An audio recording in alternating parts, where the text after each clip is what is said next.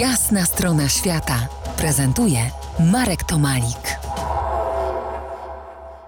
Gościem jasnej strony świata Krzysztof Petek, publicysta, pisarz, instruktor survivalu, organizator wypraw i szkół przetrwania. Tak sobie przedwakacyjnie dywagujemy o tym, co nam może przynieść obserwacja w miejscach nam nieznanych, mniej oswojonych, po prostu innych.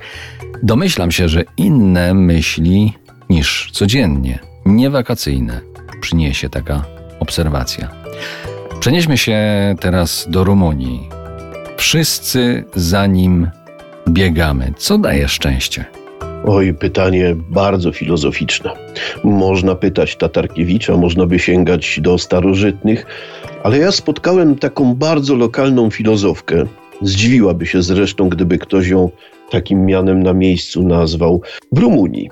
Nie tak daleko przecież to jest Unia Europejska. W Transylwanii, w zachodniorumuńskich Karpatach Apusieni jest taka wioska Lunka Viziagului. Będę tam zresztą za kilka dni, bo już za trzy doby wyjeżdżam znów po raz piętnasty do Transylwanii samochodem terenowym. Być może spotkam tę panią, być może nie, ale w głowie utkwiło mi coś bardzo ważnego. My tak zatracamy się w lawinie drobiazgów i zapominamy, co jest w życiu kluczowe. Denerwują nas tysiące drobnych niepowodzeń, które siłą rzeczy muszą się pojawiać. No bo trudno ciągle odnosić sukces. Tymczasem właśnie tam, w Lunka Viżagului, przed dziesięciu laty, kiedy jeszcze asfalt nie prowadził przez tę wioskę, spotkaliśmy starszą panią, która zaprosiła nas do swojej chaty, poczęstowała serem, chlebem i widzi, że my tak komputery, łączność satelitarna, zsyłamy jakieś relacje, te komórki, nawigatory i pyta nas, czy jesteśmy szczęśliwi. Niełatwo się z nią rozmawiało, bo ona tylko po rumuńsku. Mój rumuński jest taki bardzo rozmówkowy,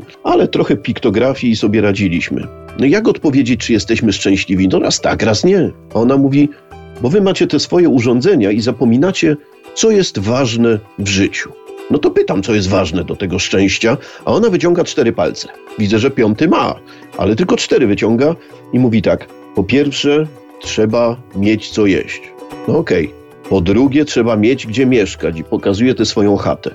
Po trzecie, trzeba być zdrowym. No i czekam co czwarte. Ona bierze za rękę tego swojego męża staruszka, takiego wychudzonego, uśmiecha się, pokazuje te cztery zęby na krzyż i mówi: A po czwarte, trzeba mieć kogoś, kto cię kocha. I cała reszta jest nieważna.